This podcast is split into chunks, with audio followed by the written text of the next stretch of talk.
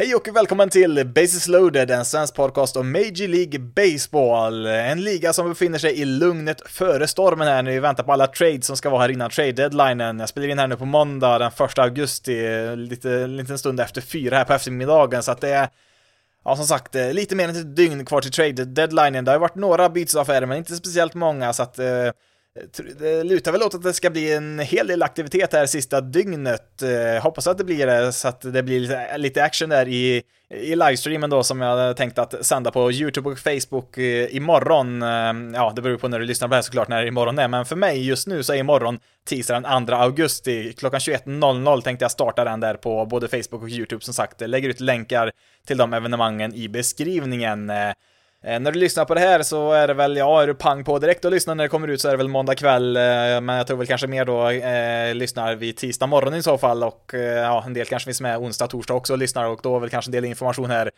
inte så aktuell längre, men eh, ja, jag tänkte jag, jag kör väl ett eh, kortare avsnitt här i alla fall och stämmer av läget här så att det blir någonting den här veckan i alla fall. Vi har ju ändå några eh, trader som har genomförts eh, under veckan som gick här. Tänkte väl ta upp några av dem i alla fall och prata lite grann om det senaste inför morgondagens deadline då, men eh, eh som sagt, har ni tid och möjlighet eh, 21.00 tisdag då, så eh, kom gärna in och kika in där på antingen Facebook eller YouTube. Går och chatta där, via ja, textchatt och kan säkert smyga in någon via Discord om man vill prata in sin fråga i sändningen. Det går säkert att lösa det också, men ja, som sagt, 21.00 då tisdag fram till midnatt svensk tid, eller ja, det blir väl kanske lite längre där, det brukar väl dröja en kvart, 20 minuter till där efter deadlinen har trätt i kraft så man eh, lyckas ta reda på alla affärer som har gjorts där. Så att eh, ja, vi kör på där under kvällen så får vi se vad som händer helt enkelt. Så att eh, har du möjlighet att vara där så ja, men sväng gärna förbi och de här sändningarna kommer såklart att ligga kvar också så man kan kolla i efterhand om man vill, vill göra det också. Men åter då till detta avsnitt eh, som blir en liten kortare variant får det bli den här veckan. Kanske lägger lite mer krut på nästa, nästa avsnitt eh, när vi kan summera hela trade deadlinen och se vart alla spelare hamnade och hur ja, hur ehm, förutsättningarna ser ut inför de sista två månaderna på säsongen här. Eh, men vi har eh, ja, fyra affärer här som jag tänkte att vi skulle ta upp i alla fall. Det har varit några till, men eh, kommer inte gå in på precis varenda namn som har bytt, bytt lag. Det är väl några relievers som man kommer hoppa över bland annat, men den första utav de lite större namnen, ehm, ja, vi hade ju Vogelback där till Mets, men han har jag redan pratat om i förra avsnittet där. Sen hade vi ju Andrew Benitendi som Ja, han var väl en av ehm, de bättre alternativen som, som fanns att trada till sig bland outfielders, i alla fall då innan eh, Soto blev tillgänglig. Eh, eh, från Royals till Yankees var väl en av favoriterna Yankees, hade väl ryktats mycket om att de var intresserade av Benintendi och plockade in honom där och han Ja, han har ju presterat riktigt bra i år faktiskt. Ehm, han har ju släppt mycket styrka i svingen, alltså han går mycket för contact, har ju ett average över 300 så här långt i år. Eh, ska säga, han har slagit 3.14, 3.88, 3.89, så att ja, det är inte mycket slugging där, men eh, han sätter bollen i spel och eh, ja, han är ofta ute på basen, han har nästan en on-base på en, ja, nära 400, så att eh, det är en bra spelare man får in här i Yankees. En, en rental då, så att han kostar inte speciellt mycket, alltså en free agent efter säsongen är över. Skicka iväg tre pitching prospect, inte speciellt högt rankade, utan det är väl mest Royal som tar en chansning på att någon av de där kanske blir bra i slutändan. Eh, Eh, sen ska vi väl komma ihåg också att eh, Kaufman Stadium är ganska otacksam att spela på som en slugger, alltså det är svårt att sluta homeruns där om man inte är en riktig powerhitter. Det är skillnad på Yankee Stadium, framförallt i deras korta right field där, då är det betydligt lättare att eh, skicka ut bollarna, så att eh, det är väl möjligt att eh, Benintendis eh, sluggen kanske går upp lite grann i alla fall när han kommer till Yankees här. Eh, och eh, ja, ser man på deras lineup, de har faktiskt bara mm, ja, tekniskt sett bara en 300-hitter, Matt Carpenter, och han har ju spelat ganska lite så att det är väl en liten asterisk bredvid den statistiken där. Judge ligger strax under 300, sen har väl han, han har väl däremot lite slag i sin sving där, men eh, eh, ja, jag tror säkert att det blir ett bra komplement till deras lineup som den är byggd just nu i alla fall. Eh, spelar väl främst ut i, i hörnen, left och right field, kan väl spela centerfield om det verkligen behövs, men eh, eh det, det, det, kommer nog inte bli många matcher där för Benintendi skulle jag inte tro. Ska vi se, har han spelat? Eh, Nej, han har bara spelat left field i år har han gjort. En match som designated hitter har han gjort. Eh, så att, eh, ja, så här långt eh, så har han bara spelat left field med Yankees också, så att det är väl där han främst kommer att spela. Sen kan man väl kanske flytta runt han någon inning här och där vid behov. Men ja, Yankees blir bättre såklart, men jag tror inte att de är färdiga riktigt än. De vill väl Ja, jag har väl inte sett Yankees bland favoriterna för att få Soto. Jag skulle inte räkna ut dem helt och hållet, men jag tror ja, skulle de inte kunna få tag på Soto så vet jag inte om det finns någon mer uppgradering att göra deras outfield direkt. Eh, eh, Stanton är ju förvisso skadad, men han ska ju in i deras lineup när han väl blir frisk igen. Eh, det är väl mer då relievers behövs ju, mm, ja, det, det gäller väl i princip alla slutspelslag behöver minst en extra reliever inför ett slutspel. Det, man kan aldrig ha för många, så att det, det, det, gäller väl i princip alla lag. Sen är väl kanske en starter också som Yankees är ute efter. var väl en av lagen som ryktades vara sugen på Luis Castillo som vi kommer till senare, som istället hamnar i Seattle. Eh, så att eh, det är väl eh, kanske vad Jacks har kvar att göra här innan deadlinen. Vi såg också under helgen Tyler Naquin och David Peralta byta lag. Två spelare som påminner väldigt mycket om varandra. Två corner outfielders, 30-plussare med utgående kontrakt, vänsterhänta slagmän, båda två med ganska kraftiga platoon splits. Eh, alltså Naquin då från Reds eh, flyttar till, eh, till Mets och Peralta från Diamondbacks till Tampa Bay Rays. Och ja, deras platoon splits är ju som sagt ganska rejäla, så alltså de är betydligt bättre mot högerhänt pitching. Om vi kollar på Peralta till exempel, hans VRC plus mot högerhänta pitchers i år är 121, mot vänsterhänta så är den 37. Eh, ja, det är en ganska rejäl skillnad som sagt. Eh, sen har han ju spelat väldigt mycket mer mot just högerhänta pitchers, så att det har inte så mycket att gå på när det gäller vänsterhänta Alltså han har 43 plate appearances i år mot vänsterhänta pitchers. Det är ju ingenting egentligen, så han har 271 mot högerhänta, så att eh, man har ju skyddat honom mot vänsterhänta pitchers så gott det går eh, under säsongen där i Arizona då, och eh, det är ju lite samma sak med Naquin. Har liknande siffror där, har väl spelat lite mer, ska säga, han, ja, nej, egentligen inte. 48 plate appearances mot vänsterhänta pitchers mot 165 mot högerhänta pitchers och har ju liknande resultat då som Peralta.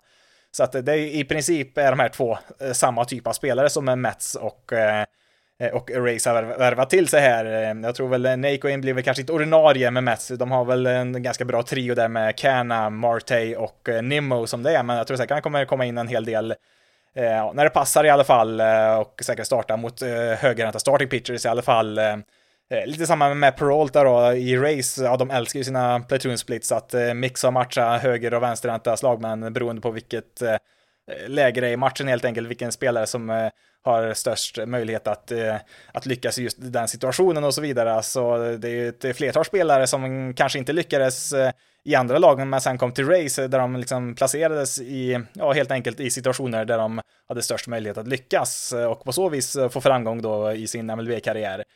Inte för att Peralta på något sätt är något sånt där reklamationsobjekt här som Race ska rädda från Diamondbacks, utan han har ju haft en ganska fin karriär där borta i öknen i Arizona Eh, i regel en eh, ja, spelare som ligger strax över snittet offensivt i MLB. Har väl ett par säsonger har varit riktigt bra, men oftast sån här 5-10% kanske över snittet då offensivt. Eh, så att helt klart en användbar spelare som inte kostar speciellt mycket heller, varken Naquin eller Peralta. Ja, det var inga, var inga top prospects man var tvungen att ge upp för att få de här spelarna och de kostar inte speciellt mycket lönemässigt heller, så att Eh, de har väl egentligen ingenting att förlora här, eh, varken Mets eller Race i de här affärerna som kostar så oerhört lite egentligen. Eh, knappast några framtida Hall of Famers som skickar iväg där. Ja, man ska väl aldrig säga aldrig, men tveksamt. Ska jag väl även påminna om förra årets slutspel och spelare som Rosario och Soler som blev slutspelshjältar för Braves på vägen till mästerskapet där. Det var inte så många som eh, trodde så mycket om dem när de eh, tradades eh, till Braves då i förra sommaren, så att man ska inte bara ha koll på de absolut största stjärnorna här nu som byter lag, utan det kan ju lika gärna vara någon av de här lite mer anonyma breddspelarna som kanske blir nyckelspelare sen när det väl blir oktober. Den klart största profilen att byta lag så här långt, det är ju Luis Castillo som flyttar från Cincinnati Reds till Seattle Mariners. Här var det lite, lite större prospect-paket i den här affären. Eh, Castillo har inte bara kontrakt för det här året, ett ganska billigt sånt också, utan även kontrakt över nästa år. Han är i arbitration och han tjänar bara 7,5 miljoner i år och eh, då är det väl bara ungefär en tredjedel kvar av kontraktet att betala på den här säsongen och så ja, kollar vi nästa år så, eh, ja, vad kan han få betalt då? Någonstans mellan 10-15 miljoner. Det är ändå ett ganska rejält underpris för en spelare av hans kaliber, så att Eh, det fanns en hel del värde att eh, få ut här för, för Reds i en, en trade och eh, det fick man väl också. Ganska bra prospects fick man faktiskt här. Framförallt Noel V. Marte, en shortstop, ja, på sikt är han kanske mer en tredje basman, men han har ju det såklart det bästa prospect. Även en annan infielder, Edwin Arroyo där, som rankas ganska högt. Han är väl dock bara en 18 år, så att det, det är väl långt kvar innan han är relevant. Och även med ett par pitchers där också, men ja, det här sätter väl ribban för vad en eh, duktig pitcher med lite kontroll kommer att kosta på trademarknaden här nu i sommar, eller ja, de här eh, dagarna som är kvar i alla fall. Eh, Frankie Montas i Ace har ju, mm, han är ju i en liknande situation. Han har också då ett år i, av arbitration kvar nästa år, så att då vill väl säkert Oakland ha något liknande för honom då. De är väl ja, de är väl jämförbara i alla fall på planen, eh, Castillo och Montas, men ja, tillbaka till just Castillo då, som faktiskt har blivit tradad. Eh, han har, han har väl eh, varit, har väl skadad där lite grann i början på säsongen, har gjort bara 14 starter, 85 innings så här långt i år, men eh, de, de 14 starterna har ju varit riktigt bra. ERA på 2,86 har han, så att han är väl i gammal god form här. Ja, det är väl Ja, när jag kollar på siffran nu så är det väl kanske, mm, ja, ja, skulle han fortsätta på samma vis så skulle det vara hans bästa säsong i karriären. Han har ett par säsonger med en ERA strax över tre. Eh, han har väl aldrig riktigt slagit sig in där i absoluta toppskiktet där av eh, de absolut bästa pitchers i MLB något år så, utan kanske ligger strax under det, men har väl ändå stundtals visat att han skulle kunna vara en nummer ett i en rotation, kanske närmare en nummer två eh, större delen av karriären, men det är väl en sån pitcher många, många lag vill ha nu inför ett slutspel, ha en nummer ett eller nummer två som man känner sig säker med att starta i en slutspelsmatch. Eh, kanske hade funnits de eh, lag som hade behövt stanna mer, alltså Twins och Cardinals har ju pratat om att de behöver verkligen en eh, en, en etablerad starting pitcher, en ett eller två i deras rotation för att de ska ha en chans i oktober, men ja, Mariners har väl, ja, de har väl ett behov på sätt och vis de också. Nu har väl de kanske lite bättre förutsättningar här än Twins och Cardinals. De har ju Robbie Ray som verkar komma igång lite grann nu efter en trög start på säsongen. Och så har de ju Chris Flexen och Marco Gonzales som har kastat, ja de har ju en ERA under fyra båda två så att de eh, ligger bra till där också, men det är väl kanske den där lite, ja, lite mer top of the rotation pitchen som man söker där med, eh, med Castillo. Och eh, där kan man väl i och för sig också räkna in Logan Gilbert som eh, har kastat riktigt bra i år. Han har en ERA på 2,78, lite lägre än Castillo till och med.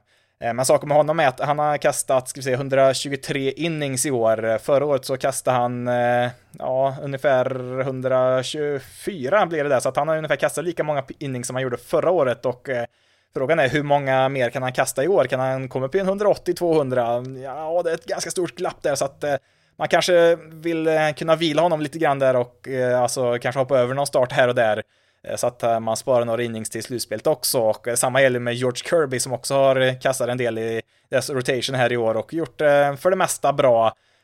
Han har väl kastat, nu ska vi se, 2021 kastade han, ska vi se, 67 innings och han är uppe i ja, ungefär 100 innings i år sammanlagt mellan Major League Baseball och i Double och Triple A så att han ligger ju bra bit över sin total, totalt antal innings som han kastade förra året, så att det är frågan hur många innings har har, har George Kirby kvar. Så att eh, det är väl kanske inte helt omöjligt att man kör en eh, sexmanna rotation här för att eh, kunna eh, ja, spara på framförallt Gilbert och, och Kirby då så att de inte går allt för långt över sin föregående års innings så att man sparar dem till slutspelet.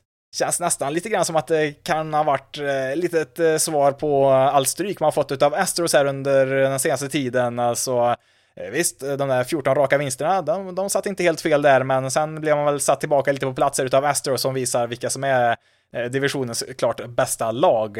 Och mm, ja, sen får man ju tänka på så här också, eh, om man väl tar sig till slutspelet, ska man ta sig till en World Series, ja, vägen genom American Leagues slutspel, det går ju genom dels Astros och Yankees som är de två absolut bästa lagen här och för att kunna Ja, för att ha en chans emot dem här så måste ju Mariners agera och göra de förbättringar man kan här. Alltså de har en en bra roster, det har de, men eh, de ligger ju klart efter Yankees och Astros, så att eh, ja, Castillo tar de väl en bit på vägen för att eh, stänga gapet mellan de två topplagen där.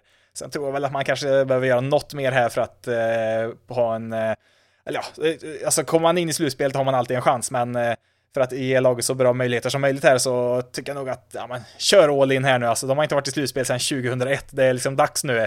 Eh, får vi se hur det blir med Julio Rodriguez här också. Han gick ut skadad, han fick en boll på handen där tyvärr, eh, som har varit deras eh, stora stjärna har han ju växt fram och blivit här nu. Hade ju en riktigt stor show där vid Home Run Derbyt där vid All-Star-matchen. Eh, eh, men ja, alltså Mariners har ett intressant lag och eh, ja, de är i och för sig, de är inte garanterade någon slutspelsplats, men jag tror nog att de kommer ta in de här platserna till slut och eh, få slut på den där slutspelstorkan som har stått sig i över 20 år nu. Eh, men eh, som sagt, jag tror väl att de behöver göra någonting mer. Jag tror inte de är med i, i diskussionerna kring Soto längre när de eh, fick in Castillo här. Men någonting mer tycker jag nog de borde kunna göra här för att ge sig en bättre chans i oktober.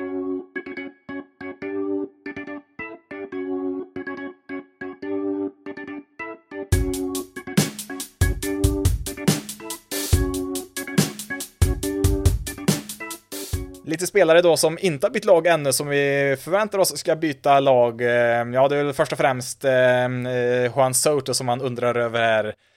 Kommer det bli någon trade eller inte? Det sägs väl att National ska erbjuda han ett kontrakt till här innan de bestämmer sig för att trade honom. Eh, jag är väl tveksam till att han tackar ja till det med tanke på hur det har sett ut så här långt på kontraktsförhandlingarna. Men ja, vi får se helt enkelt. Eh, sen är det ju så här också, eh, alltså de, de, behöver ju inte trada honom redan nu, de kan ju vänta till vintern, han har ju två år i arbitration kvar efter den här säsongen. Eh, sen är det såklart eh, värdefullt att ha honom för eh, tre slutspelsjakter istället för bara två. Eh, så att eh, man får väl kanske ut maximalt värde just precis här och nu då, men eh, Ja, vad jag sett enligt ryktesvägar så är det väl Padres och Cardinals som varit mest på här för att eh, få få loss honom här från Nationals. Eh, det är väl de som har erbjudit mest i alla fall och så sägs väl att Dodgers finns med där i bakgrunden lite grann också. Sen har väl, tänker jag, i stort sett alla bra lag hört av sig i alla fall. Det vore väl tjänstefel annars att inte i alla fall kolla av läget och se ungefär hur mycket det kommer krävas för att få loss Soto, vilket eh, såklart eh, är extremt mycket. Men man måste i alla fall kolla av där ifall man skulle kunna ha en chans. Men det verkar väl som att det har droppat av en del lag, att det kanske bara är några stycken kvar här nu, bland annat hela Cardinals front office eh, befinner sig just nu i Washington. Det är väl kanske ett tecken om inte annat. Eh, eh, och bland insiders då, som har lite koll och lite källor in, inom lagen så påstår väl de då att det är väl kanske Padres och Cardinals som har varit mest aggressiva så här långt och försöka få loss Soto och de säger väl att Padres kanske har erbjudit lite mer minor League-spelare medan Cardinals har erbjudit kanske mer Major League-klara spelare, alltså spelare som redan har gjort sin MLB-debut. Man har mycket Eh, eller rättare sagt lite servicearm ska jag säga. Alltså det betyder att de har långt kvar tills de är free agents. Eh, kan väl tänka mig att eftersom att Soto är en outfielder så är väl eh, kanske både Tyler O'Neill och Dylan Carlson ett de är väl alternativ för att skicka då till Nationals istället och det är såklart, gör väl ont att skicka iväg någon av dem, men det är väl det det kommer att göra. Det kommer göra ont om man vill få loss Soto. Sen kan man ju fråga sig, är det verkligen en outfielder som man behöver här i Cardinals. Eh, visst, Soto gör precis alla lag bättre, det, det, det är ingen tvekan om. Alltså, Cardinals lineup blir så mycket bättre med Juan Soto eh, inskriven där någonstans. Eh, men det spelar ingen roll hur bra en Soto är så kan han inte överkomma en, eh, en dålig rotation. Och ja, Cardinals har stora problem med sina starting pitchers. Alltså slänger man ut allt man har för Soto, vilket det kanske kommer krävas, ja, vad finns det då kvar för att fixa en pitcher liksom, eller kanske två till och med.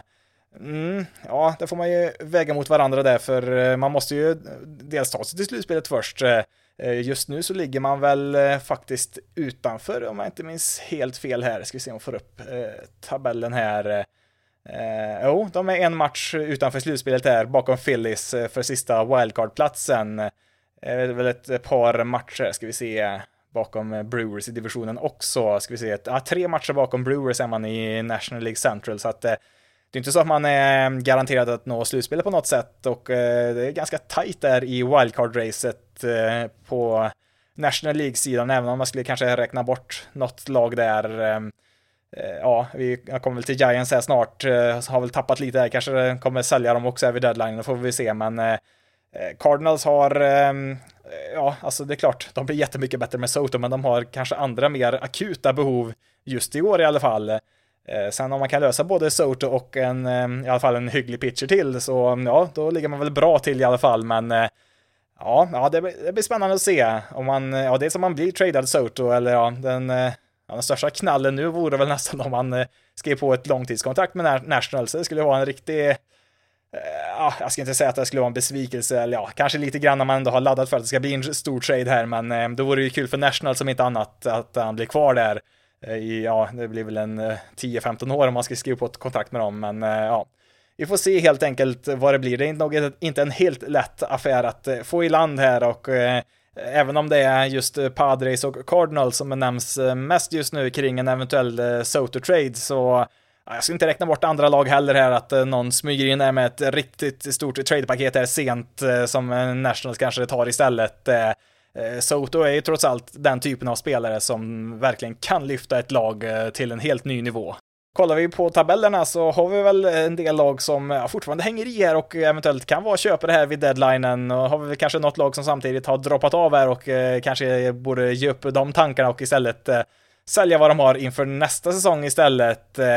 Eh, ett eh, sånt lag är ju Marlin som jag pratade om eh, för, jag vet inte om det var förra veckans avsnitt eller avsnittet innan det som la lite där i bakgrunden och var några matcher bara bakom en slutspelsplats, men nu har de gått riktigt dåligt här nu sen efter All-Star-uppehållet. Åtta matcher är de bakom sista slutspelsplatsen, så att det, det är väl nog ganska kört för dem just nu och eh, ja, de får väl kanske se över om det finns någon spelare de kan skicka iväg. Har väl pratat om att kanske någon starting pitcher, att de kanske skulle kunna trada någon av dem. De har ju ganska mycket av det även i sitt Money League-system, så att det är väl att trada bort eh, där man har överskott helt enkelt för att förstärka andra delar utav laget, framförallt sin offensiv som har varit riktigt bedrövlig här nu på sistone, framförallt efter att Chisholm blev skadad. Även Giants som man nämnde där nyligen, Eh, alltså de har, det är fyra matcher har de upp till, ehm, till sista wildcard-platsen. Eh, det är ju inte jättemycket, men eh, tittar man på det här laget, alltså de är 51-51, precis 500. Det, det är inte mycket som talar för det här laget, alltså även om de skulle ta sig till ett slutspel, vad kan de åstadkomma där?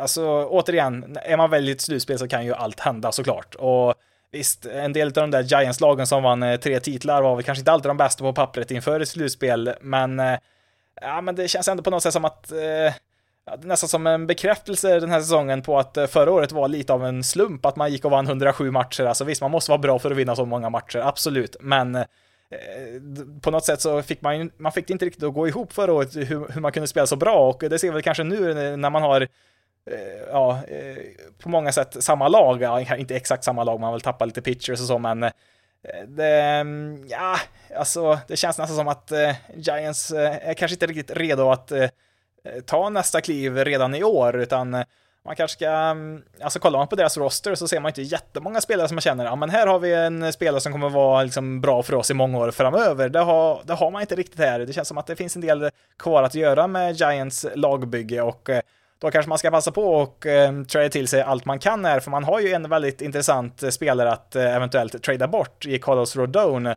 som skrev på ett tvåårskontrakt eh, inför den här säsongen, men eh, det fanns en opt-out här efter den här säsongen om eh, han kom upp i 110 innings och han är uppe i 123 nu så att med tanke på hur bra han har kastat i år, han har en ERA på exakt 3 på 21 starter, så att med tanke på hur bra han har kastat i år så har jag ju väldigt svårt att tro att han inte kommer att bryta kontraktet efter säsongen är över då för att bli free agent igen. Han har ja, 22 miljoner får han om han stannar kvar nästa år.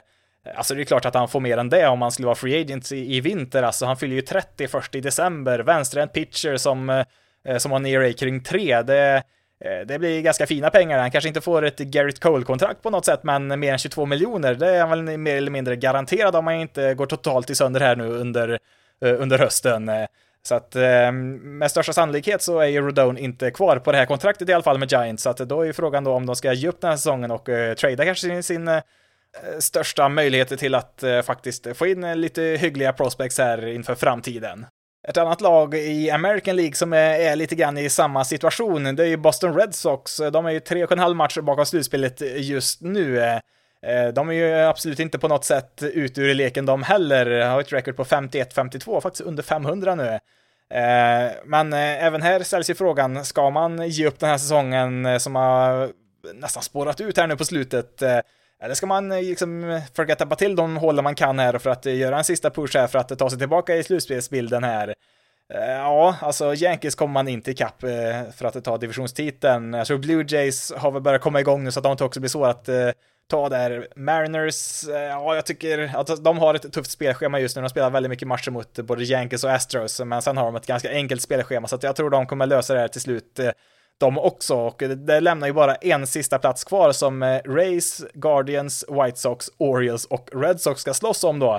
Ja, Twins kan ju bli aktuella också om ifall de blir eh, i kappsprungna där i toppen av eh, den divisionen, men ja, mycket lutar väl åt att kanske Red Sox ger upp den här säsongen. Det, det är inte så att man är ute ur leken som sagt, men det finns ju ändå vissa spelare man skulle, skulle kunna göra sig av med som är, som är free agents här nu till, till vintern. Eh, bland annat JD Martinez har det väl pratats en del om. Eh, eh, har ju inte, han är väl inte den superspelaren han, han en gång var för några år sedan där, men han är fortfarande en en mer än kompetent eh, designated hitter. Han spelar väl inte så mycket försvarsspel numera, ska vi se. Nej, han har inte, han har inte spelat en enda match eh, ute på planen någonstans. Han har varit designated hitter i alla matcher han spelat så här långt i år. Ehm, så att då behöver man väl en lucka där, men ehm, ja, han skulle ju såklart kunna hjälpa ett lag offensivt. Jag vet, eh, Mets har väl kopplats ihop med honom där, de behöver ju lite hjälp på sin eh, designated hitter-position där. Ehm, även eh, Nathan Eovaldi är väl free agent här efter säsongen är slut. Har väl inte haft världens bästa säsong, 15 starter, ERA på 4,4, det är väl ungefär det snittet brukar ligga för en pitcher. Så att han har väl inte varit jättebra, men det är ändå en pitcher som kan äta en del innings och framförallt så är han väl beprövad i slutspelssammanhang, eh, vilket man inte ska underskatta mm, inför oktober. Så att det finns ju ändå ett par spelare här kanske att hämta om eh, Red Sox då bestämmer sig för att eh, ge upp den här säsongen. Eh, som sagt, det har ju varit väldigt jobbigt på slutet här nu för både, ja, både Red Sox och Giants och eh, båda två har ju Eh, ja, spelet har ju präglats av defensiva misstag, både i, både i Boston och San Francisco har sett riktigt bedrövligt ut försvarsmässigt. Eh, eh, sen har de väl andra problem också såklart. Boston har ju alla sina skador på framförallt sin rotation med Sale bröt ju fingret och nu såg jag väl att Trevor Story blir borta ett par veckor minst i alla fall innan han får börja svinga igen. Hade väl också någon fraktur någonstans så att det det är inte mycket som går rätt just nu hos Red Sox och då är frågan, ska man kanske sälja av eh, lite grann i alla fall eh, och se, se, vart, eh, se vart man hamnar inför nästa säsong. Man sa väl att Bogart skulle man väl inte trada här som det också pratas om här under, under den senaste tiden, men ja, det, är, det är väl kanske lite känsligare, men jag tänker både JD Martinez och Voldi som sagt det är nog inte omöjligt att vi får se dem, att de byter lag, men ja, samtidigt, jag tycker väl Alltså det är ju roligare när så många lag som möjligt försöker att vara bra och försöker nå slutspel. Och det här gäller väl såklart också även Giants då. Eh, men eh, ja, ja det, det, är en svårläst situation här för både Red Sox och eh, för Giants. Det är möjligt att de kanske inte gör någonting heller. De kanske väljer att varken trada till sig eller trada från sig spelare och liksom se om man kan lösa det här, det här med sin nuvarande roster. Till sist då lite snabbt här i American League Central är det ganska intressant att följa vad som kommer hända med eh, topptrion där i Twins, Guardians och White Sox. Det är ju alla tre lag som behöver förstärka sitt lag inför ett eh, eventuellt slutspel, eller ja, något av de här tre lagen kommer att eh, gå till slutspel oavsett, men eh, om vi säger så här, Twins som leder divisionen, eh, de har 53 vinster, Guardians 52, White Sox 51.